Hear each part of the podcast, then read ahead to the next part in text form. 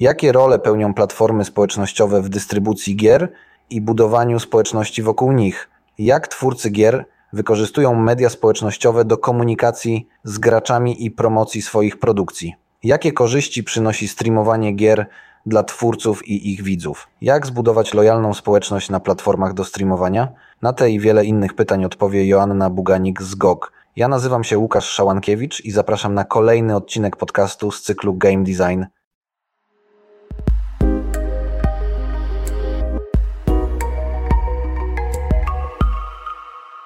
Strefa Technologii Uniwersytetu SWPS to projekt popularyzujący wiedzę o wpływie technologii na społeczeństwo. Przyglądamy się i omawiamy szanse, ale i ryzyka, jakie niesie dla ludzi jej bezprecedensowy rozwój. Więcej merytorycznej wiedzy z zakresu technologii znajdziesz w kanałach multimedialnych projektu, innymi na YouTube i Spotify.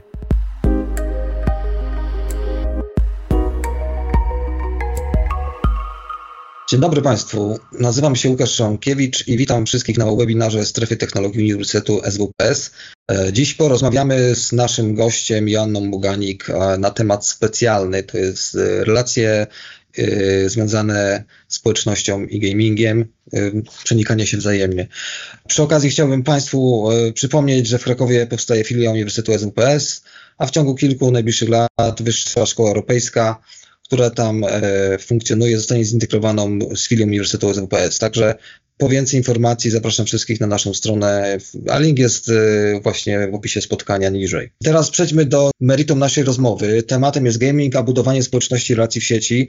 Nasz gość, pani Joanna Buganik, a tutaj a pozwolę, że już ją przywitam. Dzień dobry, fajnie, że mogłaś zawitać, przyjść, przyjść do naszego, że tak powiem, webinaru. Powiedz coś o sobie, tutaj naszym słuchaczom, zanim przejdziemy do kolejnej części. Dzień dobry, nazywam się Asia. E, bardzo dziękuję za zaproszenie. Mm, bardzo, bardzo mi miło. O sobie mówić ciężko, szczególnie jeśli się jest taką osobą, e, która lubi robić rzeczy e, za kurtyny i nie widać jej normalnie na co dzień.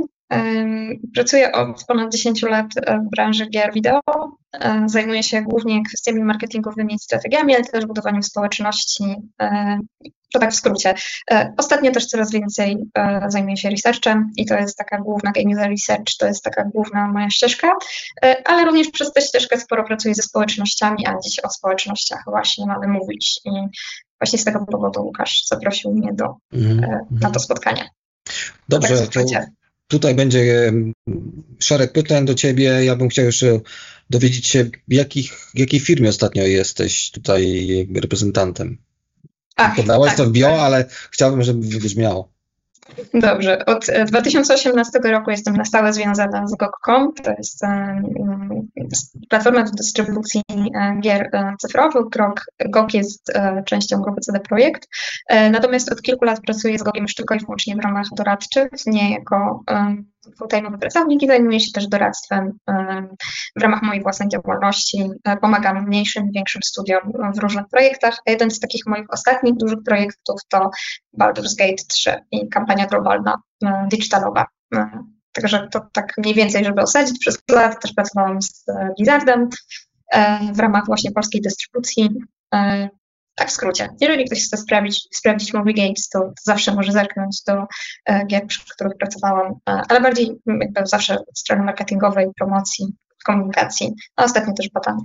Specjalnie tak tutaj drążę temat, ponieważ e, biografia naszej prelegentki była bardzo e, skromna i e, minimalistyczna, więc chciałem tutaj w tym temacie no, pokazać szerzej jej osobę i no właśnie tak się stało. Mm, dlatego też Pierwsze pytanie właśnie, jeśli chodzi o te wszystkie relacje w, w, sieci pomiędzy graczami a, a, platformami, to będzie właśnie dokładnie o to. E, według Ciebie, jaką rolę głównie pełnią platformy społecznościowe w budowaniu społeczności wokół nich? To zależy oczywiście, to może zacznijmy od takiego początkowego pytania, bo oczywiście platformy społecznościowe w przypadku gier to absolutnie nie są tylko media społecznościowe, to takie ogólnie znane, ale to Ładnie. tak naprawdę są wszelkie możliwe miejsca, w których znajdują się społeczności graczy, czyli nawet te platformy e, bezpośrednio sprzedające tę grę, e, mówimy tutaj oczywiście o Steamie, czy na przykład o Google, które mają dosyć rozbudowane funkcje społecznościowe, takie jak forum, można się komunikować z swoimi znajomymi, sprawdzać swoje konta, achievementy, um, grać razem oczywiście, no ale to, to już jest samo przez się, się rozumie. To są też wszelkie miejsca, gdzie oczywiście dochodzi do tej interakcji, komunikacji z graczami. No i ta rola jest bardzo ważna ze względu na to, że gry są specyficznym, straszliwie skomplikowanym produktem, opartym e, w dużej mierze na weryfikacji ze strony społeczności, czyli jakby wartość produktu, duży udział w wartości produktu e, ma opinia wyrażana przez społeczność graczy.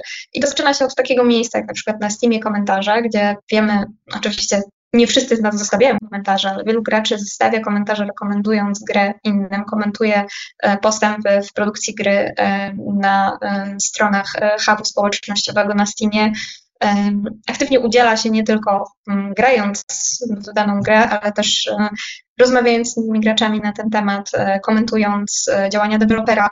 Także to jest bardzo specyficzne i duża część właśnie oceny produktu wynika z tego, jak gry są oceniane przez graczy. Szczególnie właśnie ta mechanika reviewsów na Steamie mm, jest bardzo ciekawa. Ja się też zajmuję tym trochę od strony badawczej. Ten mechanizm weryfikacji produktu nie tylko wpływa na widoczność gry na platformie, bo oczywiście to jest taka podstawowa mechanika. Im więcej komentarzy, im więcej pozytywnych, tym Steam chętniej promuje taką grę, e, ale wpływa też na ocenę zewnętrzną. Steam jest na tyle wpływowym miejscem do no, szukania informacji o grach, e, że tak naprawdę ta ocena Steamowa wpływa na postrzeganie produktu w dużo szerszej perspektywie. No I to też jest element społecznościowy. E, taka mała ciekawostka, coraz więcej graczy nawet nie tyle e, szuka gier na samym Steamie, ale na, nawet wpisując hasło e, dany tytuł danej gry w Google, dodaje do tego informację Steam, szczególnie grach PC-owych. Także to źródło informacji zbudowane tak naprawdę na bazie opinii społeczności to jest dosyć taka podstawowa miara, jeśli chodzi o wycenę wartości produktu, czyli tego, czy warto kupić daną grę i ile warto za nią zapłacić, czy to jest dobra gra, czy to jest mm. kolejna gra, w którą powinno się zagrać, czy to jest e, produkt, e, na który można poczekać i kupić go na przecenie. Jeszcze mówiąc, mamy pewnego rodzaju platformy społecznościowe, które jakby w dystrybucji gier mogą zbudować e, istotną społeczność i ta społeczność rezonuje i ma wszelkie relacje między sobą, a moje pytanie z tego wynikające, bo już to, to praktycznie zaznaczyłaś, ale chciałbym, żeby to bardziej um, było E, rozszerzone. Jak twórcy wykorzystują e, tą sytuację do komunikacji z graczami? No bo y, oni już wiedzą, że, że mogą sprzedać, rozumieją, że to jest y, dobry czas na to, żeby w jakiś sposób wejść ten, tą społeczność i y, podkręcić jeszcze markę, ale ja, jakimi metodami? Och, to jest bardzo szerokie pytanie, bo przede wszystkim musimy sobie ustalić priorytety, jeśli chodzi o wagę poszczególnych e, miejsc społecznościowych, bo one się dzielą na takie, które, e, przede wszystkim, na takie, w których deweloper w ogóle ma głos i ten głos jest słyszany, e, oraz na takie, które są m, mm, trochę niezależne od e, wpływu dewelopera, albo właściwie ich charakterystyka taka naturalna i organiczny typ e, komunikacji w tych mediach e, przebiega w taki sposób, który jest albo niezależny od dewelopera, albo bardzo ciężko jest tam zbudować jakąkolwiek komunikację taką puszowaną, czyli intencjonalną, zgodną, zgodną z toną voice, z e, intencją dewelopera, tak? To są e, media, w których wiele rzeczy buduje się organicznie z kolei z inicjatywy graczy. No jeżeli chodzi o inicjatywę po stronie dewelopera, to absolutnie, e, szczególnie jeżeli mówimy o grach premium, bo mówimy o takich tytułach, nie o grach mobilnych, o grach premium na przykład w segmencie PC, bo tutaj jest najwięcej tych interakcji, mówimy o możemy zaobserwować ogromny udział Steama w tworzeniu tych dyskusji społecznościowych. E, dlaczego tak się dzieje? Dlatego, że e, przede wszystkim oczywiście Steam e, jest bardzo dużą platformą, która zmonopolizowała w ogóle dyskusję o grach, szczególnie pecetowych, w ostatnich latach już tak bardzo, bardzo zdominowała, mimo tego, że ta potęga utrzymuje się od wielu lat.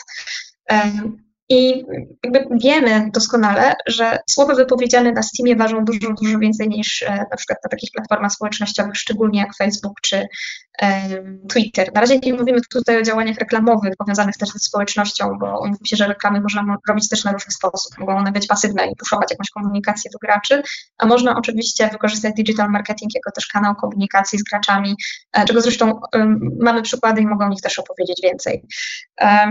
Więc jeżeli chodzi o e, absolutną potęgę, jeśli chodzi o tubę taką dla dewelopera e, w mówieniu do graczy, to takim miejscem numer jeden jest zdecydowanie Steam. Tam gracze e, komentują, zakładają dyskusje, interesują się grami, mają też możliwość followowania danego produktu, kiedy też dostają informacje na temat gry.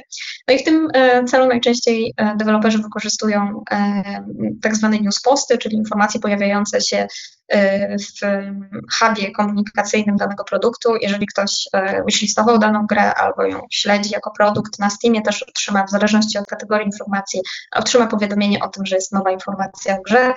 Ta informacja też wyświetli się na stronie produktowej na Steamie, czyli ktoś przeszukując platformę, szukając gry na przykład po tagach, czy po, korzystając z rekomendacji Steama, jeżeli trafia na kartę produktu, to tam też dostanie taką informację na feedzie o ostatnich istotnych wiadomościach, które publikował dany deweloper, e, które są powiązane z danym tytułem.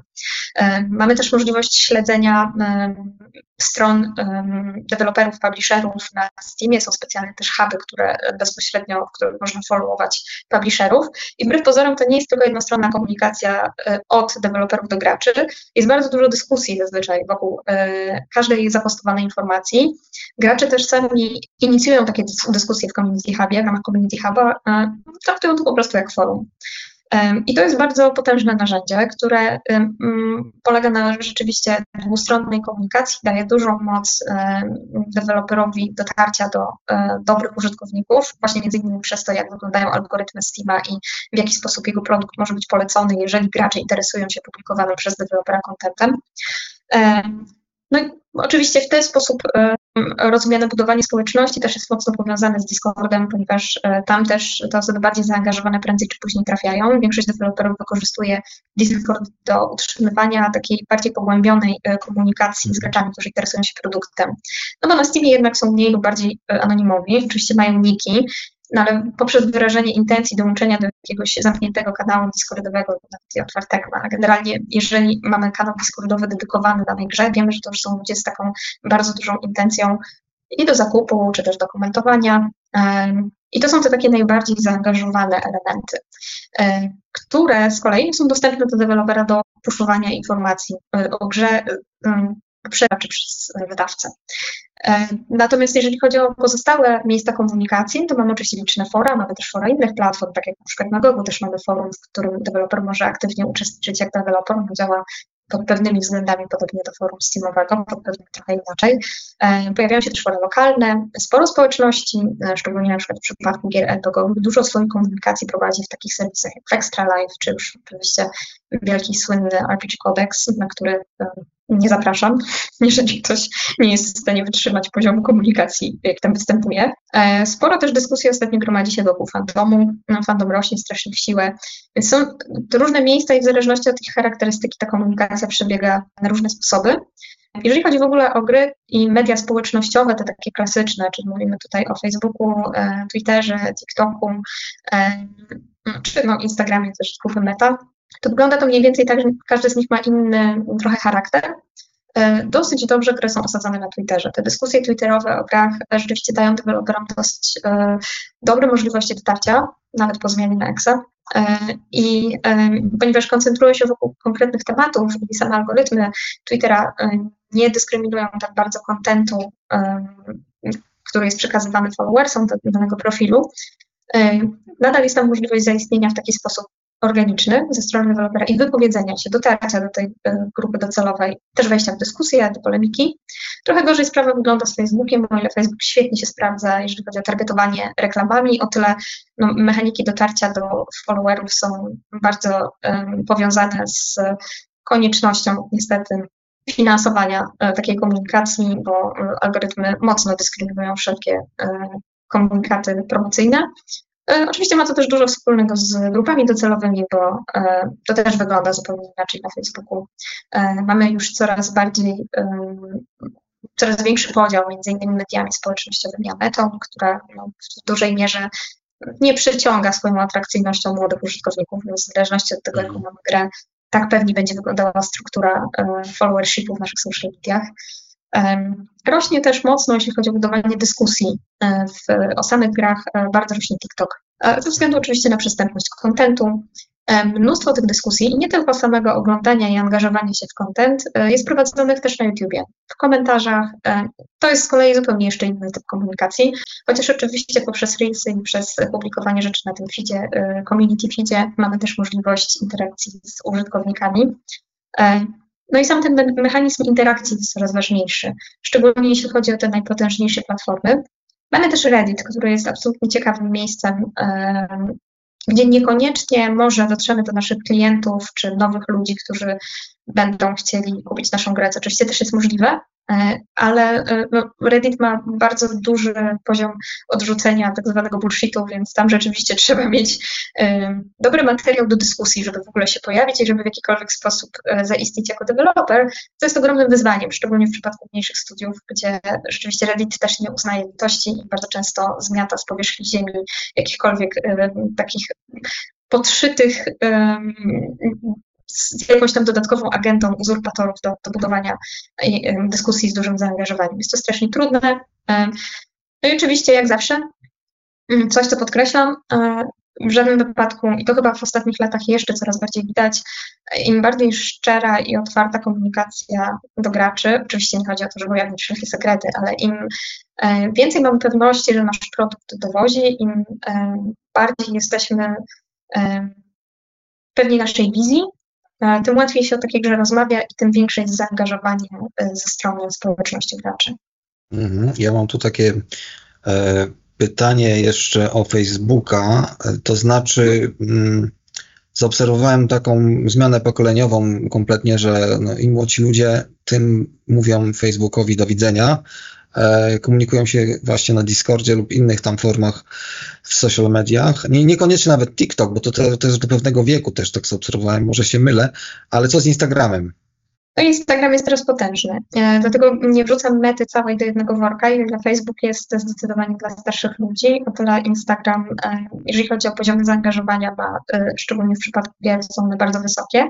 E, to też zależy od struktury publikowanego kontentu, bo mhm. Instagram też, e, tam jest duża przewaga e, jednych typów kontentu nad innymi typami. Tutaj też pojawia się w ogóle spora taka dyskusja i duży temat tego, w jaki sposób my w ogóle występujemy w social mediach, bo Często jest tak, że mniejszy deweloper na przykład uzyskuje bardzo duże zasięgi organiczne i często wiąże się to z tym, że od początku buduje swój wizerunek e, w mediach społecznościowych, w ogóle wśród community, nie jako deweloper konkretnej gry, czyli nie od strony firmy, tylko z bardzo taką ludzką twarzą, wręcz kreując siebie na influencera w danym temacie czyli eksperta w swojej grze albo eksperta w e, kategorii takich, a nie innych gier. E, I na przykład to świetnie działa na e, TikToku w wielu przypadkach. W ogóle jeżeli chodzi o grupy demograficzne na TikToku, one też są bardzo zróżnicowane, po mhm. pierwsze w zależności od tematu, kraju. Wbrew pozorom dużo osób w takim wieku, nawet tak starych jak ja, po 40, też ma konta TikTokowe i ogląda content, co wiąże się łącznie z, z różnymi aspektami i z preferencjami sposobów konsumowania kontentu, tak, z tymi zmianami na poziomie takim wręcz behawioralnym, w jaki sposób skrolujemy, w jaki sposób przyjmujemy do siebie to, co dochodzi y, do nas ze świata zewnętrznego. Mamy sporo ciekawych przykładów też z polityki, jak y, te nowsze media są popularyzowane wśród nawet starszych grup wiekowych. No, ale jeżeli chodzi o Meta i o Facebook, to rzeczywiście jest duży odpływ szczególnie młodych ludzi. I myślę, że jest kilka powodów. Na pewno dużym powodem jest oczywiście polityka firmy i to, w jaki sposób e, meta w ogóle się pozycjonuje i w jaki sposób nie bardzo nadąża albo celowo, albo, e, albo niecelowo za pewnymi e, istotnymi zmianami w zachowaniu użytkowników. Ale z drugiej strony trzeba pamiętać, że Facebook jest ogromnym narzędziem reklamowym, jeśli chodzi o targetowanie nadal. Więc myślę, że to raczej jest jakaś kwestia wewnętrznych, chłodnych kalkulacji i ten rozdźwięk między Instagramem a mm, Facebookiem samym e, nie jest jakimś przeoczeniem, tylko może to być świadoma decyzja firmy. No a zdecydowanie na Instagramie mamy bardzo przekrojową społeczność jeżeli chodzi w ogóle o Instagrama, to bardzo duży udział w tym ruchu instagramowym i to we wszystkich kategoriach mają Indie, no bo to jest największy kraj reprezentowany na Instagramie. E, dosyć sporo jest też użytkowników z Brazylii, więc e, niekoniecznie to są te rynki, w których chcemy promować gry premium, E, aczkolwiek udział tych rynków e, premium też jest dosyć duży. Tak może na marginesie tylko powiem, że e, jeżeli chodzi o sprzedaż gier, no to oczywiście nie w każdych krajach jest taka sama siła zakupowa i trzeba pamiętać, że w niektórych krajach ludzie zarabiają za mało, żeby kupić grę za kilkadziesiąt dolarów i kupią albo na przecenie, albo po prostu będą grali we free to play, więc no i właśnie mhm. teraz moja perspektywa jest bardziej ze strony produktów premium i nie będę ukrywać, że znam się na innych rzeczach nie będę ściemniać, że znam się na innych e, rzeczach poza produktami premium e, równie dobrze, bo nie. Oczywiście śledzę rynek i e, mam świadomość, jak to wygląda w przypadku innych typów gier, szczególnie gier mobilnych i tak dalej, ale nie jestem od tego ekspertem. Natomiast jeżeli chodzi o budowanie społeczności gier, premium, szczególnie właśnie pecetowych czy też konsolowych, no to, to wygląda tu mam dosyć duży, myślę, przekrój sytuacji na małych i na, na dużych projektach. Mhm, fajnie. E, tak jeszcze Reddit, e, to, to no tam zazwyczaj wychodzą e, błędy w grach. E, tam jest taka, jak ja zaobserwowałem, czyli jakieś bugi, wyśmiewanie się z dewelopera. Raczej to jest w takiej formie. E, albo jakieś. Reddit na Reddicie? Tak, tak, tak. Że na przykład o tutaj jest źle coś zrobione, tu wychodzi jakiś problem i tak dalej, a może napiszemy łatkę i wszyscy tak by tam robią sobie z tego e, żarty, a rzeczywiście ta łatka powstaje i, i jest dostępna. E, więc tutaj też powiedziałeś, że ludzie nie mają pieniędzy w niektórych krajach, no to w tym momencie wchodzi te piractwo, które no, generalnie myślałem, że już umarło, ale widzę, że jeszcze nie. E, nie w niektórych krajach to ciągle jest żywe. E, ale ten rozmiar tego piractwa się tak zmienił niż jak to było kiedyś. Także te społeczności to już um, mi się wydaje, że są na tyle świadome, że no stadzie właśnie, żeby te gry pobierać i e, korzystać z tego. Więc tu taka dygresja z mojej strony. A jak jeszcze właśnie mówimy o tych Twoich projektach, no to pytanie jest, jak e, zbudować lojalną społeczność na jakiejś platformie? No ja może jeszcze do tego Reddita wrócę, bo Reddit jest bardzo specyficznym miejscem, które ma szalenie akcyjny charakter. I tak jak mówiłeś, e, organizują się te społeczności wokół jakiegoś tematu e, albo ważnej idei. E, dlatego był shutdown Reddit i generalnie takie akcje tam wychodzą, mm, czyli mm, właśnie petycja do dewelopera, jakiś shoutout, wywoływanie dewelopera do tablicy jest bardzo popularne. Reddit jest też specyficznym miejscem, jeśli chodzi o promowanie swojego kontentu i jeżeli na przykład chcemy wykupić adsy na Reddicie reklamę, e, to e, trzeba bardzo uważać, bo tylko i wyłącznie produkty, które mają dużą, które są rzeczywiście dobre, ma sens tam je reklamować na takiej platformie jak Reddit, ale e, ja zaobserwowałam, że Reddit ma troszkę takich wspólnych różnych cech z budowaniem kultów religijnych to tak na marginesie zupełnie, to są moje jakieś prywatne obserwacje, e, ponieważ właśnie w przypadku Reddita społeczności gromadzą się wokół idei, no to oczywiście nigdy nie powinniśmy tego monetyzować w jakiś taki abuzywny sposób, tak? ale można wykorzystać to um, w ten pozytywny sposób, kiedy widzi się, że gra jest, um, ma pozytywną społeczność. Wtedy Reddit docenia update'y, tak, jakieś aktualizacje, informacje na temat gry i zazwyczaj te wątki, nawet jeżeli samemu się nie stworzy swojego profilu, to często pojawiają się nagle znikąd jakieś profile, które tworzą gracze sami spontanicznie. No jeżeli chodzi w ogóle o budowanie swojego wizerunku na platformach społecznościowych, to ja zawsze odsyłam um, moich um, partnerów i jakiekolwiek firmy czy gry, z którymi współpracuję, trochę do tablicy.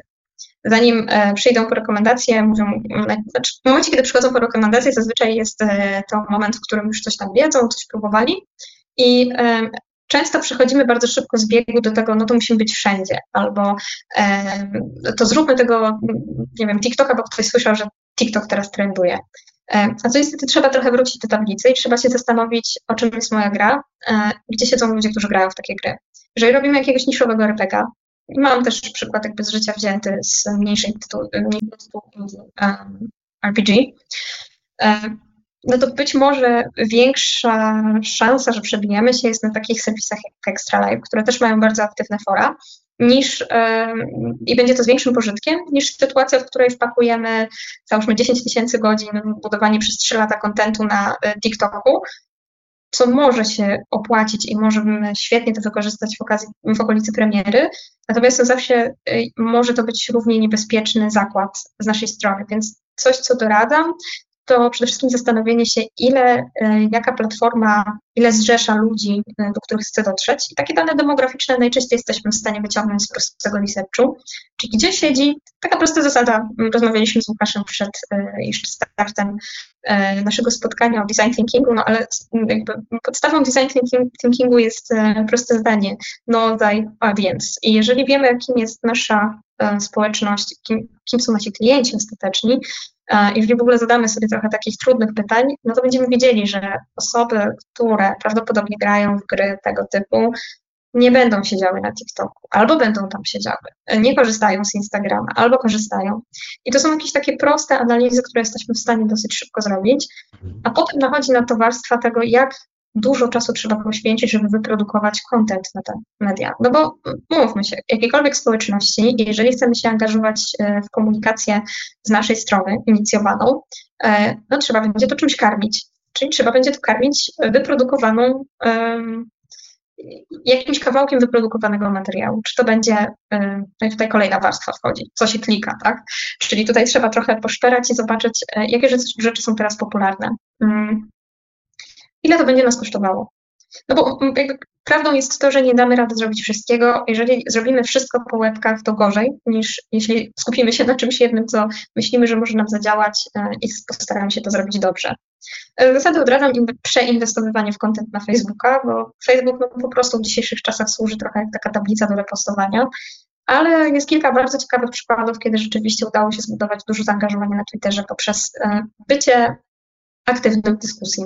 Twitter jest takim miejscem, w którym trzeba być zawsze. I najczęściej kilka osób z firmy po prostu musi regularnie pilnować tego konta, repostować, czyli nie tylko postować swoje rzeczy, bo to jest podstawa, ale też angażować się w dyskusję wszędzie indziej. Mhm. E, bardzo uważnie sprawdzać, kto nas wspomina, um, angażować się właśnie w innych wątkach, w innych threadach, gdzieś tam um, uderzać, obserwować sporo kont, które są pokrewne i um, wywiązywać dyskusje, inicjować dyskusje. Więc to jest taka praca, ja się śmieję zazwyczaj, że jeżeli ktoś chce mieć aktywnego Twittera, to powinien mieć jeden po prostu etat dla tweetującej osoby i tyle. Bo inaczej no, Twitter tak działa. Jeżeli chodzi o inne social media, to na przykład TikTok może być świetny pod warunkiem, że ktoś ma poczucie humoru, potrafi dobrze sprzedać swoją historię z odrobiną takiego zrozumienia zoomerskiego charakteru tej platformy, no i też nie będzie się bał eksperymentować, bo z TikTokiem jest, e, to jest platforma, która żyje z aktualnego kontentu, więc jeżeli e, na przykład mamy konto stricte biznesowe, to bardzo często ciężko będzie korzystać z muzyki, która jest akurat trendująca, bo ze względu na copyrighty, tak, to zależy. Oczywiście są po prostu dużo większe restrykcje, jeśli chodzi o prowadzenie takiego biznesu na TikToku, Natomiast jeżeli postujemy to jako, nie wiem, ja, Asia, jestem deweloperem i mam swoje konto i w ten, przez to konto promuję swoją grę i występuję jako influencer, to widziałam kilka naprawdę spektakularnych przykładów e, bardzo, bardzo udanych, długofalowych kampanii, które potem świetnie się sprawdziły e, w przypadku premiery i nawet są na to dowody w postaci konwersji, tak? czyli ktoś korzystał z trakowanych linków i później był w stanie zmierzyć, jaka część ruchu przyszła konkretnie z TikToka. I tak samo jest w przypadku Instagrama. To jest medium, które też buduje dosyć bliskie relacje i też sporo um, ruchu, który, który się dzieje na Instagramie, e, dzieje się, ponieważ jedni ludzie polecają mm, produkty drugim osobom, tak, innym swoim znajomym.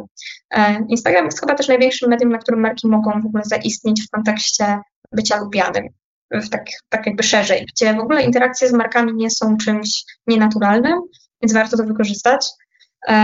No i zazwyczaj właśnie siadanie do takiej prezentacji deski kreślarskiej, gdzie nawet na prostej kartce papieru spisze się te cele, możliwości, zasoby, co możemy zrobić? Czy my będziemy w stanie na przykład publikować raz w tygodniu jakiś materiał e, wideo? Czy to nie będzie za duże obciążenie dla studia? Czy stać nas na to, żeby nawet mówić gadające w głowie, jakieś devlogi e, produkować? Czy będziemy w stanie robić tylko gify?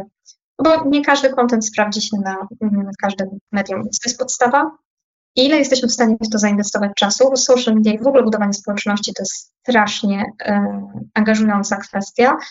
Zazwyczaj, jeżeli mam wybierać, to i deweloper mówi, że nie ma czasu, jeżeli mam wybierać jedną platformę, której nigdy w życiu nie może ominąć, to w przypadku takich gier PC premium, nawet jeżeli one są niezależne, to tylko mówimy o gier, które są kupowane w full price. E, no i potem na przecenach E, płatnych produktów, nie free to playów, to bym absolutnie nie ignorowała Steama, szczególnie w tym takim okresie mm, 3 miesiące przed premierą, 6 miesięcy przed premierą, im wcześniej, tym lepiej, jak najszybciej zbudować tam po prostu followership, być otwartym do społeczności. Nie bez powodu dużo gier decyduje się teraz na early access, który daje możliwość odbicia swoich własnych intuicji i oczekiwań jakichś przypuszczeń od community w dosyć szybki i taki mocno związany z produktem sposób. I to jest właśnie siła Steama.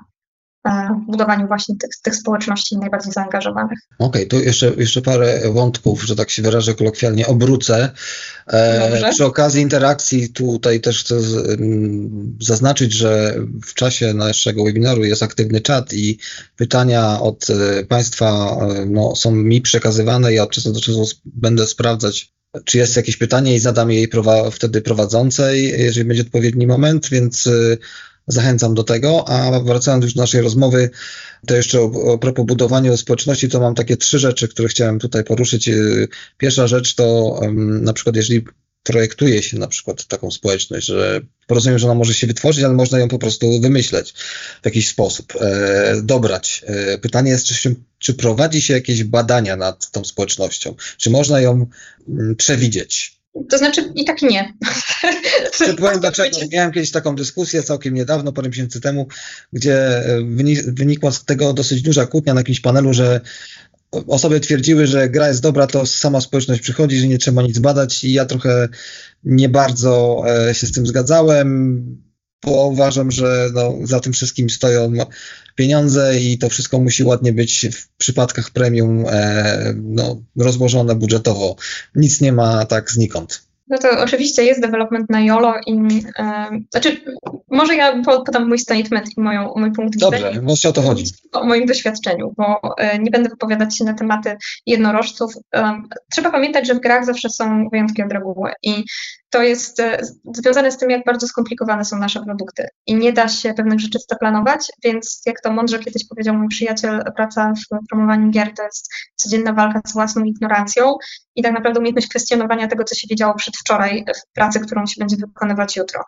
I to tak niestety jest, więc nie ma prawd objawionych i jedynych świętości, natomiast jest kilka rzeczy, które warto wziąć pod uwagę. Przede wszystkim, jeżeli robimy jakąś grę, to ja nie siadam do pracy z produktem, który jest na końcowej fazie produkcji, już który jest gotowy i ktoś ma od początku do końca przekonanie, że zrobił świetną grę, która sprzeda się w x tysiącach egzemplarzy i ma wszystko potwierdzone. Bo to znaczy, że albo ktoś odrobił zadanie domowe, domowe albo w ogóle nie ma intencji, żeby odrabiać, odrabiać, jeżeli na przykład nie ma danych stojących za tym. Więc zazwyczaj nawet w przypadku małych studiów zawsze zachęcam do tego, żeby się zastanowić już na poziomie design doka, czyli tego takiego pierwszego dokumentu, zanim powstaną jakieś prototypy albo na etapie prototypów, żeby zastanowić zastanowić się, co to będzie za gra, co to finalnie będzie za produkt. No i zazwyczaj na tym etapie robimy już wstępnie taki, e, taką ocenę, assessment tego, kto może będzie chciał tę grę kupić. To jest bardzo ważne. Istotne jest to, żeby po prostu znaleźć e, potencjalnie, zidentyfikować swoją grupę odbiorców. I można to zrobić na różne sposoby. Duże firmy uciekają się nawet do tego, że na tym etapie już robią fokus testy, żeby zobaczyć, na ile wizja, którą proponują, będzie rezonować z potencjalną grupą odbiorców, jaką mają na myśli. Jest kilka narzędzi do tego. Niektóre z nich są płatne, jest kilka też takich raportów bezpłatnych, gdzie można skorzystać z taksonomii graczy. Ja w ogóle interesuję się bardzo motywacjami graczy i profilowaniem pod różnym kątem, głównie pod kątem motywacji do grania w gry. I są pewne zależności. Są zależności między tym, e, co nas motywuje do grania, a jakie typy gier na przykład lubimy. Te zależności są na różnym poziomie. E, można korzystać z takiej metodologii podziału typów graczy, typologii graczy Newzoo, która jest e, chyba typologią na największej próbie, natomiast ma pewne swoje ograniczenia, bo ona odnosi się głównie do kwestii behawioralnych i zakupowych, natomiast mniej do kwestii motywacyjnych. Jest dosyć duże narzędzie, mm, które jest niedostępne za bardzo dla deweloperów od takiej strony empirycznego poznania, kto będzie grał w moją grę. Natomiast można za pomocą tego narzędzia y, przewidzieć chociaż trochę, jakby wyglądał typ gracza, który gra, będzie grał w moją grę. Mówię tutaj o Quantic Foundry i o e, pracy właśnie zespołu Quantic Foundry. To jest taki test, który bada motywację do grania w gry. On w ogóle to jest bardzo długi projekt badawczy, który założyciel, e, założyciel całego programu Quantic Foundry zaczął jeszcze na studiach badając gry MMO. To jest bardzo rozbudowana taksonomia graczy, która opiera się na dwóch warstwach motywacji, pierwszej i e, drugiej. E, jest dostępny online taki test, który można sobie wypełnić i na podstawie tego testu sami dowiadujemy się, jakimi jesteśmy graczami. Ale oprócz tego testu jest dostępny taki przekrojowy opis tych różnych charakterystyk graczy i bazując na designie na przykład i na kluczowych elementach designu, jesteśmy w stanie zidentyfikować e, kluczowe punkty zainteresowania, które mogą wystąpić w naszym audience. No i teraz ja już na etapie tak naprawdę wczesnej alfy bardzo często robię testy z graczami bezpośrednio, żeby zobaczyć, jak gra rezonuje, jak w ogóle koncept gry rezonuje z graczami. Nie jestem fanką tego, co robią duże firmy, bo duże firmy bardzo często pokazują opis gry, jakieś koncept arty w focus testach. To są metody najczęściej niedostępne dla mniejszych studiów, e, ponieważ są drogie, bo przeprowadzenie focus testów nie jest tanie. Plus są dosyć bardzo też odległe od samego produktu. Natomiast na etapie alfy, kiedy gracz już może położyć ręce na produkcie, można już mówić o takim prawidłowym game user researchu pod kątem feature'ów, które planujemy w grze. I to wszystko łączy się ze strategią komunikacji, a strategia komunikacji z kolei dyktuje też to, w jaki sposób będziemy chcieli budować naszą społeczność. No już na tak wczesnym etapie jesteśmy w stanie mniej więcej przewidzieć rozmiar tej grupy docelowej. Ja bardzo zachęcam zawsze do szukania. E, często też, e, nie wiem czy wszyscy wiedzą, ale generalnie API Steama czyli dostęp jakby do danych bezpośrednio, nie tak po przeglądaniu e, strony danej gry, m, mm, można wykorzystać API Steama, czy przez takie serwisy jak SteamDB, ale można też bezpośrednio po prostu zdobyć te dane z API Steama i wykorzystać jakieś proste nawet umiejętności Pythonowe, e, żeby e, sprawdzić, jak wyglądają komentarze, ale tym też udostępnia informacje na temat tego, e, jak dużą bibliotekę mają gracze, którzy na przykład komentowali dane tak, mhm. zostawili swoje komentarze i rekomendacje odnośnie do tytułów, które na przykład my uważamy za benchmarki. I na takiej podstawie analizy e, konkurencji jesteśmy w stanie też zobaczyć, jak duża może być potencjalnie grupa tych graczy. No i teraz oczywiście zaczynamy od dosyć szerokiego basenu, kiedy projekt się zaczyna, no wyobrażamy sobie różne rzeczy na temat produktu. Nie mamy tak do końca możliwości empirycznego sprawdzenia, czy nasze intuicje i e, hipotezy w ogóle są prawdziwe, i dalszy proces badawczy przy kolejnych fazach e, koncentruje się już trochę na zawężaniu informacji na temat naszej grupy docelowej, co przekłada się oczywiście na budowanie społeczności. Z drugiej strony informacje z mediów społecznościowych i tego, kto rezonuje z naszym kontentem, czyli kto na przykład komentuje nasze posty na Twitterze, do jakich grup docieramy, jakie grupy bardzo chętnie dzielą się informacjami o naszej grze, to z kolei wpływa w drugą stronę i buduje um, gdzieś tam ten fit informacji z kolei do komunikacji, czy też um, można to wykorzystać bezpośrednio w designie. Więc ja e, generalnie jestem wielką fanką mm, mówienia sprawdzam na każdym możliwym etapie, zaczynając bardzo, bardzo wcześnie, dlatego że to jest właśnie ten element walki z naszą własną ignorancją. My mając wizję na temat jakiejś gry, tego jak chcemy ją stworzyć, bazujemy na własnym doświadczeniu. No ale muszę powiedzieć szczerze, że w ostatnich kilku latach e, te zmiany na rynku gier, one tylko i wyłącznie przy, przyspieszyły. I możemy mówić o, te, o takiej zmianie niektórych trendów już nawet nie tylko w perspektywie roku czy pół roku, ale wręcz trzech miesięcy. Pojawia się jakaś jedna rzecz, która zachwieje naszym rynkiem częściej niż nam się wydaje. Więc y, no, taka czujność i bycie absolutnie otwartym, nie tych oczu wokół głowy, e, pozwala nam raz na weryfikowanie tego, co myślimy o grupie odbiorców, a dwa na dostosowywanie tych naszych wszystkich przypuszczeń, które mieliśmy na, na sprawdzanie tych przypuszczeń, tak, dostosowywanie naszych planów do tego, jak tak naprawdę zmienia się, zmieniają się nasze możliwości. Dlatego jestem też wielką fanką e, może nie tyle reaktywnego marketingu w kontekście e, real-time marketowanych memików, ale rzeczywiście nawet jak konstruuję budżety marketingowe, to zawsze zostawiam takie pole do elastyczności. Bo były takie przypadki, kiedy bardzo się zdziwiłam, kiedy na przykład kampania facebookowa nagle nie była efektywna, dużo lepiej performował Google. I teraz to samo dzieje się w przypadku social mediów. Może nam się wydawać, że jakieś medium będzie dobrym wehikułem do komunikowania tego czy innego tytułu, może się zdarzyć z rzeczywistością. Może się okazać, że nie. Ale warto eksperymentować ze wszystkim i znaleźć to swoje miejsce. Byle nie przeinwestowywać, bo to jest... Jasne. No to otrzymałem bardzo obszerne wyjaśnienie e, z rozgałęzieniami, ale. A tak, bardziej... to przepraszam, ja lubię dygresję. E, nie, nie, nie, to jest na po, że tak powiem, pozytywnie e, wybrzmiało wszystko. Po prostu pewno utwierdziło mnie w swoich własnych tam e, przekonaniach. Są trzy pytania do ciebie, e, korzystając z okazji. Proszę bardzo. Pytanie rozgrzewkowe do pani Anny. Jakie są jej trzy ulubione gry indie? Moje ulubione gry indie? Och, trzy. oczywiście. E, uwielbiam Cariona. Karion e, jest e, produktem, no to jest taka gra, która praktycznie od pierwszego koncertu gdzieś tam mnie e, kupiła. Zaskoczyła bardzo. Poznałam też Team, ale absolutnie kocham tę grę. Uwielbiam też grę Absurd Insult Simulator. Opracamy się znowu w polskich grach. Lubię, ponieważ można się nieźle tam powyzywać. Jest to świetny tytuł. I sporo godzin też powyzywałam ludzi, łącznie z moim dzieckiem, z którym grałam w Fostera w wersji mobilnej.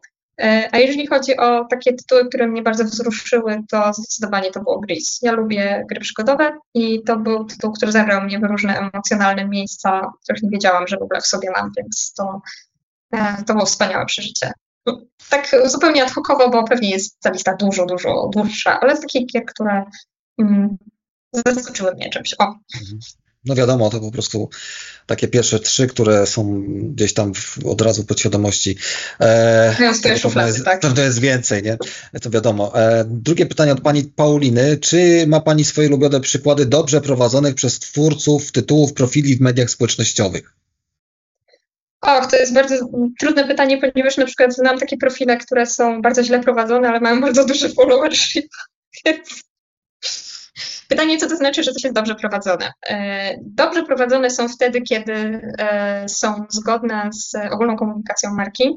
Mm, zawsze problemem są takie edgy komunikaty, kiedy próbujemy mm, silić się na zasięgi e, i interaktywność w tych social mediach, ale tym kosztem, jakby robimy to kosztem jakości samej komunikacji, ona na przykład jest niespójna z główną komunikacją. Absolutnie fenomenalny profil ma Devolver, szczególnie na Twitterze, ale oni w ogóle jakby nie chodzi tylko o ich profile, chodzi o to, jak prowadzą komunikację. To jest, y, social media są tylko uzupełnieniem tego, co oni robią na co dzień. Mm.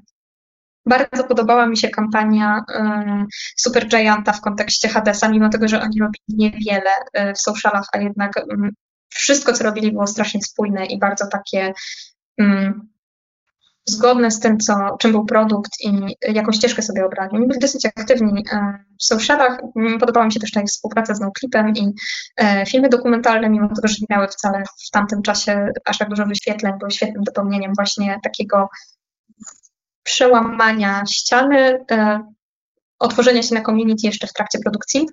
E, no i oczywiście z ostatnich takich flagowych przykładów jestem totalnie zakochana w komunikacji, ale tutaj mam absolutnie spoczony punkt widzenia, jestem zbajasowana do granic możliwości, ale e, grą, która uważam, że w ostatnich latach zaświeciła, jeżeli chodzi o budowanie społeczności, to był Baldur's Gate i jest nadal.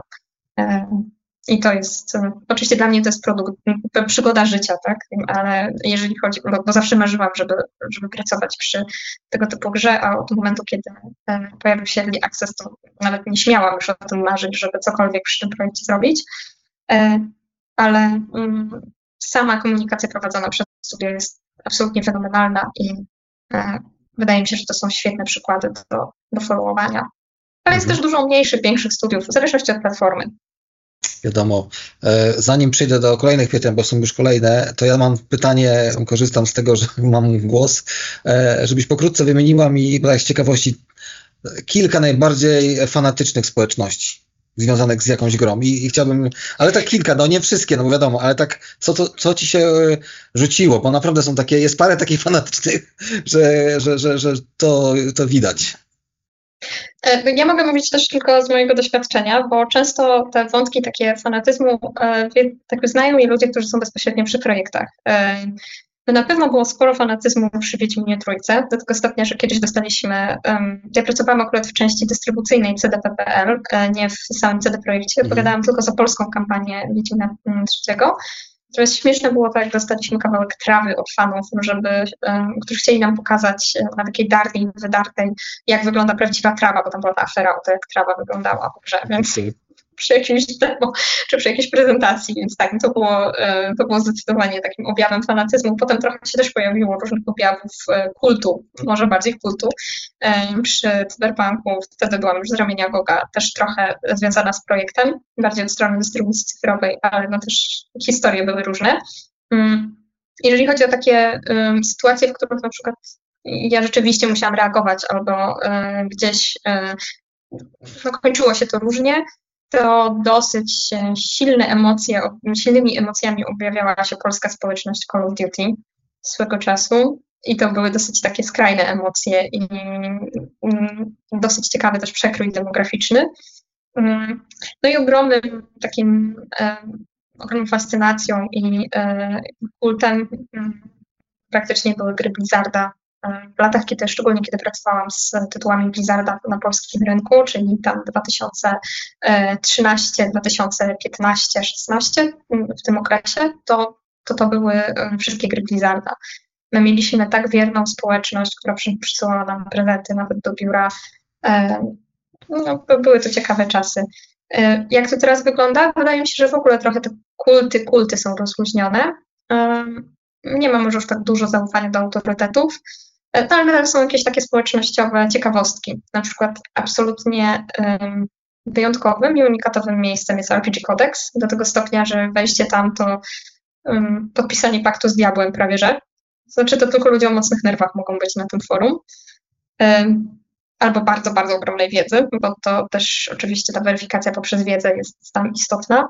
Um, ale też e, jakiś czas temu miałam okazję obserwować nie bezpośrednio od wewnątrz, ale przez znajomych taki projekt e, Corborn, e, gry Pen and Paper, która, niemieckich twórców, która z, przeniosła się z kanału Rocket Beans, gdzie była regularnym takim sesyjnym PNP, przeniosła się do wersji cyfrowej i tam było dużo elementów kultu. To było bardzo fajnie, można było to zaobserwować, jak na Discordzie społeczność, która przyszła bezpośrednio z kanału Rocket Beans na Discord, w jaki sposób ona reagowała na wszystkie informacje o grze, ponieważ oni mieli informacje, już taką wiedzę też zdobytą własną na temat loru gry i mieli swoje własne wyobrażenia. Im większe te wyobrażenia, tym trudniej później przyjąć cokolwiek innego do siebie. E, to jak te jakby rzeczywiste designy już gry wideo, ze względu na to, że znali IP wcześniej, jak, jak były przez nich odbierane. I to było niesamowite, jak czasami rozbieżne były reakcje. Wydawałoby się, że zareagują tak czy inaczej na dany e, element designu, a czasami te reakcje nas zaskakiwały szalenie. Byliśmy w ciężkim szoku.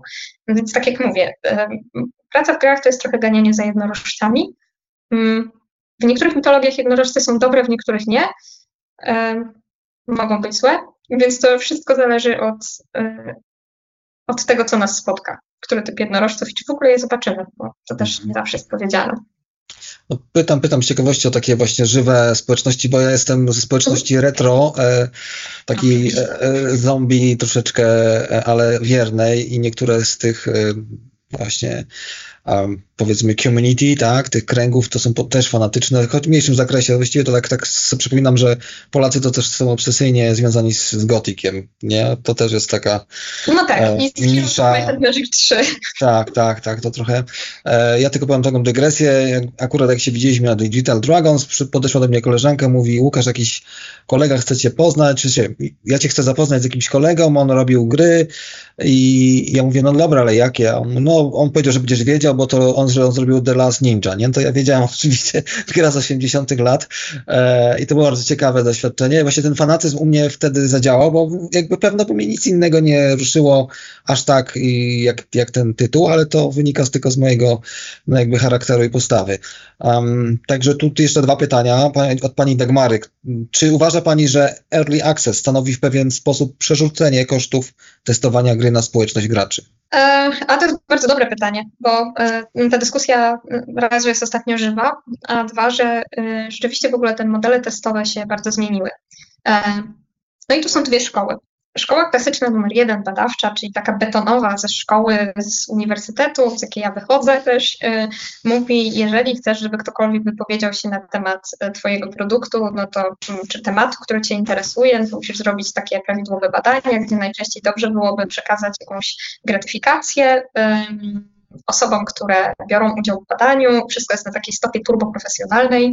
No a ostatnio pojawiły się programy CD Projektu Badawczy, ten projekt, y, gdzie można przetestować gry wcześniej. E, pojawiły się też dużo wcześniej, bo to jeszcze kilka lat temu projekt Techlandu, gdzie też gracze mogą testować. Eleven Studios też zaprasza graczy e, do swojego studia.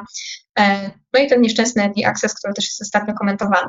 I myślę, że tutaj jest duży poziom też taki rozstrzelenia dyskusji, E, na samym, e, w samym momencie definicji. To znaczy, czym różni się w ogóle takie testowanie od testowania e, gry? Otóż jeżeli chodzi o game user research i testowanie gry pod kątem zachowań graczy, czyli tak naprawdę po prostu research produktowy na podstawie no, produktu, gry, tak mówimy tutaj o produkcie. Jeżeli chcemy zbadać produkt pod kątem recepcji klientów, no bo to dokładnie jest tym samym, mm, to to jest trochę co innego niż naprawianie gry przez użytkowników. E, I w normalnej takiej rzeczywistości te konteksty są rozdzielone.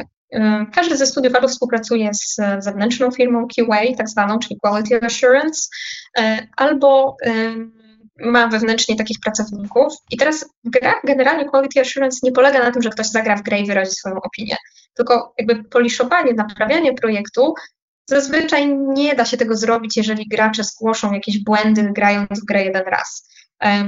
Chodzi tak naprawdę o to, żeby znaleźć błąd, zreplikować go i na tej podstawie go naprawić. Więc profesjonalni testerzy no nigdy nie da się zastąpić ich e, takim inputem ze strony graczy i społeczności.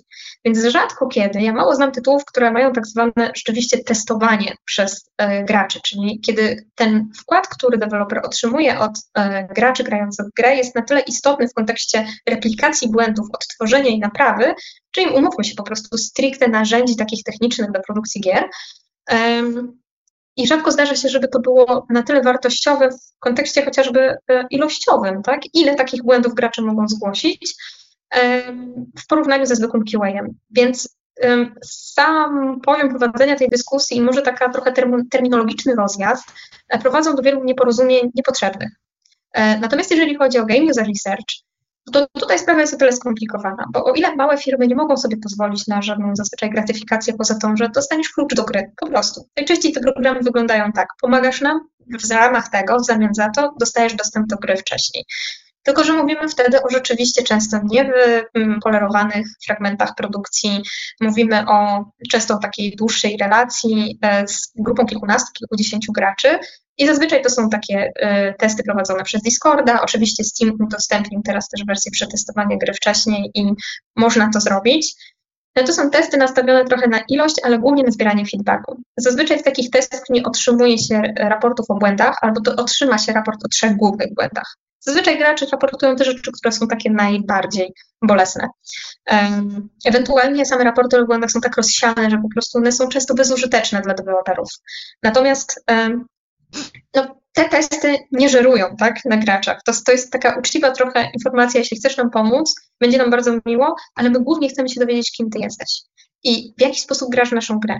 Podpina się dlatego też dane z telemetrii, czyli te dane takie wewnątrz gry, czyli jak wygląda, z, na przykład jak wyglądają przejścia, na którym momencie gracze się zacinają. To jest element poliszowania produktu, ale tego nie da się zrobić wewnętrznie w studiu produkt, grę trzeba odbić od graczy. Bo nasze wyobrażenie o grze, a szczególnie wyobrażenie ludzi, którzy grali w nią już kilka razy, nigdy nie pokryje się z tym, jak wy, gracze, odbierzecie grę.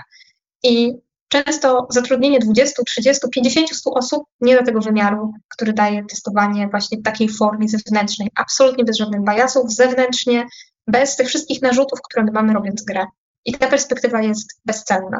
Dlatego te testy są tak wartościowe. Nie dlatego, że ktokolwiek naprawi błędy po nich. No i dochodzimy do Early Accessu. Jeśli chodzi o Early Access, to myślę, że część deweloperów trochę abuzuje tę praktykę poprzez, jest takie polskie słowo? Wykorzystuje, o, to jest to słowo. Wykorzystuje Early Access, e, dając produkt, który jeszcze nie jest gotowy, nawet na taką wersję jak Early Access. Early Access jest kredytem zaufania w stosunku do dewelopera. No i znowu wracam do Lariana, bo Larian na przykład zniechęcał graczy do kupowania Baldur's Gate 3 w Early Accessie. Aktywnie, dosłownie w komunikacji. Jeszcze nie jesteśmy gotowi do pełnego release'u, nie kupuj, jeśli nie jesteś przekonany. Kup, jeśli naprawdę bardzo, bardzo chcesz zagrać. I to jest wtedy uczciwa umowa. Natomiast jeżeli my reklamujemy produkt jako coś, co już jest prawie gotowe, podczas kiedy nie jest, i zbierając raporty o błędach, tak naprawdę szczerze, zupełnie szczerze, te raporty o błędach, one są istotne i w tym early accessie rzeczywiście mają więcej można uzyskać raportów o błędach ze względu głównie na analitykę niż e, w fazie takiego testowania beta czy alfa testów e, w, w takich wolnych społeczności. No ale to jest kwestia tej uczciwości i zaufania. I o ile niektórzy wykorzystują tę politykę i to jest nieuczciwe, no ale przypadek do przypadku, o tyle niektórzy dzięki temu jeszcze bardziej zawiązują swoją relację ze społecznością. Bo z drugiej strony, to jest też kredyt zaufania ze strony dewelopera do społeczności. Ludzie, którzy angażują się w Early Access, to jest tylko część wybrana community i to jest tylko część klientów, którzy kupią grę później po premierze. Więc to jest też takie zaufanie, że to, co wy sugerujecie i my zmieniamy, że my dobrze trafiliśmy. My was mhm. słuchamy, mhm. idziemy w tym kierunku, ale to jest leap of faith z naszej strony, tak samo. Więc tutaj, no niestety trzeba chyba liczyć na uczciwość w jedną i drugą stronę. Ale czy powiedziałabym, że to jest próba wyłudzenia testowania za darmo? Chyba nie. Jeśli już, to prędzej próba wyłudzenia finansowania, bo część spółek niestety, mimo tego, że Steam nie rekomenduje tego, e, posiłkuje się pieniędzmi z Early Accessu do tego, żeby skończyć grę. I to jest trochę syfne, ale niestety na to nie mamy wpływu. Mm. No i wydaje mi się, że to chyba jest większe zagrożenie. I na pewno osobom, które chcą przystąpić do early accessowych programów, rekomendowałabym bardzo wnikliwą analizę tego, co deweloper rzeczywiście proponuje na danym etapie. To jest dobre narzędzie, naprawdę. To i daje graczowi możliwość pogrania wcześniej, współtworzenia gry, bo to tak wygląda, ale uczciwość musi być po obu stronach. Jeżeli jakikolwiek, wręcz, jeżeli jakikolwiek deweloper, jeżeli widzicie, że jakikolwiek deweloper wykorzystuje tę politykę early accessu, to warto to zgłaszać do Steama. Absolutnie zachęcam, bo to, to, to jest ważne. To narzędzie powinno zostać wolne od tego typu praktyk i powinno być uczciwą drogą do współtworzenia gry przez community. Oczywiście na, jak tylko można uczciwych zasadach z obu stron. Mhm. E, dobrze, to mm, chciałbym zanonsować jedną rzecz, że e, pytania się pojawiają, więc umówmy się z Państwem, że w tym momencie ja będę już tylko przy, mówił e, to, co chcą e, nasi widzowie, a e, Joanna będzie odpowiadać, ponieważ no, czas troszeczkę jest tutaj limitowany, ale póki mamy interakcja, to jest istotne, to chcemy to wykorzystać. Więc następne pytanie, być może tutaj dla Ciebie jakaś sugestia, Joanna, że na niektóre możesz odpowiadać skróco, skróconej wersji, co w zależności od Ciebie. Jeżeli Państwo mają jeszcze pytania, to proszę korzystać, bo w pewnym momencie to się zakończy. Dobrze. Jest ciekawe pytanie Ala Szpileczka. Jakie na przykład profile są źle prowadzone, mają duże zasięgi? Może pani podać? O, oczywiście. Niektóre AAA-owe gry, które są tragicznie prowadzone, ale mają dopalane zasięgi, to tak zupełnie ad hoc. Mogłabym poszukać i przytoczyć. Nie mam swojej kroniki dobrych i złych przykładów, szczególnie złych, nie mam, ale tak, zdarzają się. Szczególnie jeśli chodzi o AAA, to, to często są no, ciężkie przypadki. Mhm. Ja mam już informację, że zostało nam 15 minut, więc e, Dobra. powiedzmy, że to pytanie zostało odhaczone. E, następne. Czy uważa Pani, że Kickstarter w obecnych czasach można traktować jako budowanie społeczności, nawet jeśli twórców gry stać by było na jej wydanie? Ale ostatnio widziałam kilka takich przypadków, że twórcy nie zrobili tego ze względów finansowych, tylko wyliczyli sobie e, koszt kampanii marketingowej o określonym zasięgu i koszty widoczności poprzez Kickstartera. E, mieli dosyć duży confidence w produkt, wierzyli w produkt, bo produkt rzeczywiście dobry, dosyć wysoko oceniana gra. Przeprowadzili kampanię Kickstarterową, która dała im dodatkową widoczność za cenę, ponieważ tam nie był bardzo duży ten goal ustawiony, za cenę praktycznie niższą niż, nie wiem, jeden online'owy show z typu PC Gaming Show czy coś w tym stylu. Więc te koszty to, to w zależności od tego, jaka jest widoczność produktu, tak w ogóle, jakie są możliwości e, wyciągnięcia wartości dla siebie i to case by case. E, nadal jest to możliwe. Mhm. E, pytanie, jakie kanały komunikacji Pani polecała dla osoby, która zaczyna swoją przygodę streamerską na Twitchu? O, świetnie. Absolutnie nie znam się na budowaniu wizerunku przez streamerów e, od strony praktycznej.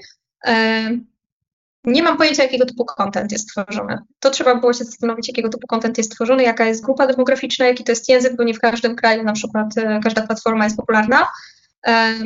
Pytanie, czy, czy, to, y, czy to jesteśmy w stanie na przykład omówić później. Ja w razie czego możecie mnie znaleźć na LinkedIn.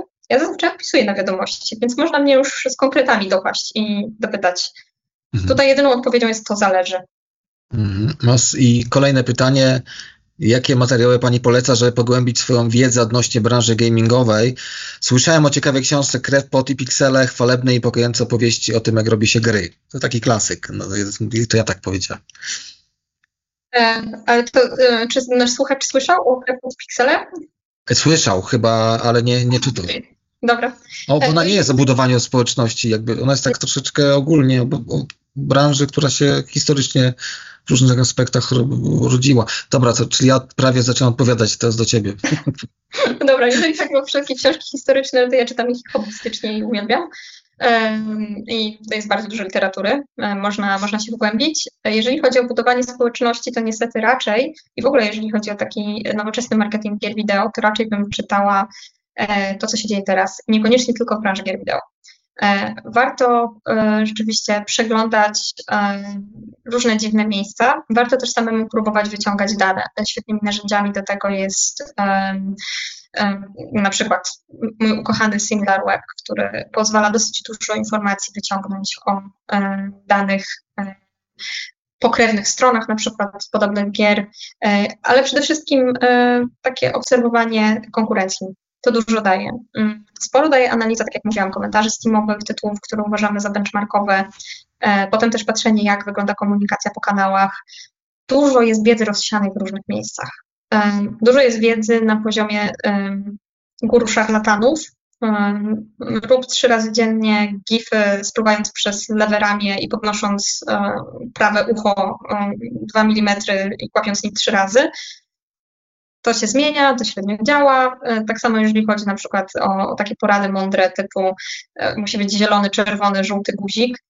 Jest trochę mądrych porad dotyczących budowania kontentu technicznie, co polecam, szczególnie właśnie w socialach, ale przede wszystkim trzeba grzebać, szukać Sporo inspiracji dają źródła, mm, które są naturalnie dla e, sfery digital marketingu, ale one dużo mówią o algorytmach danych platform i o tym, jak budować ruch na danych platformach. Więc na przykład ja osobiście ostatnio bardzo dużo rzeczy związanych z digital marketingiem, zrozumieć mechanikę e, poszczególnych platform lepiej, architekturę i to mi dużo daje. Um, tak, mhm. o, na przykład. No i dużo eksperymentować trzeba. Dobrze. E, proszę Państwa, dziękuję za aktywny udział w dzisiejszym spotkaniu. Naszym gościem była Joanna Boganik z firmy GOK. E, tak jak Pani dziękuję tutaj Joanna powiedziała, jest e, aktywna na, na LinkedInie, można jej zadać pytania. Wszystkim, którzy z nami nie byli od początku, chciałbym powiedzieć, że w Krakowie powstaje kolejna filia Uniwersytetu SWPS, a w ciągu najbliższych lat Wyższa Szkoła Europejska będzie z nią zintegrowana. E, po więcej e, zapraszam na stronę, gdzie link e, zamieściliśmy w opisie spotkania i zapraszamy na kolejne webinary Strefy Technologii Uniwersytetu UPS. Będzie nas można znaleźć na różnych serwisach streamingowych, podcastowych, między innymi Spotify, YouTube i tak dalej. Jeszcze raz dziękuję Ci, Anno. Dziękuję Państwu. Do zobaczenia za miesiąc. Pozdrawiam. Dziękuję jeszcze raz za zaproszenie.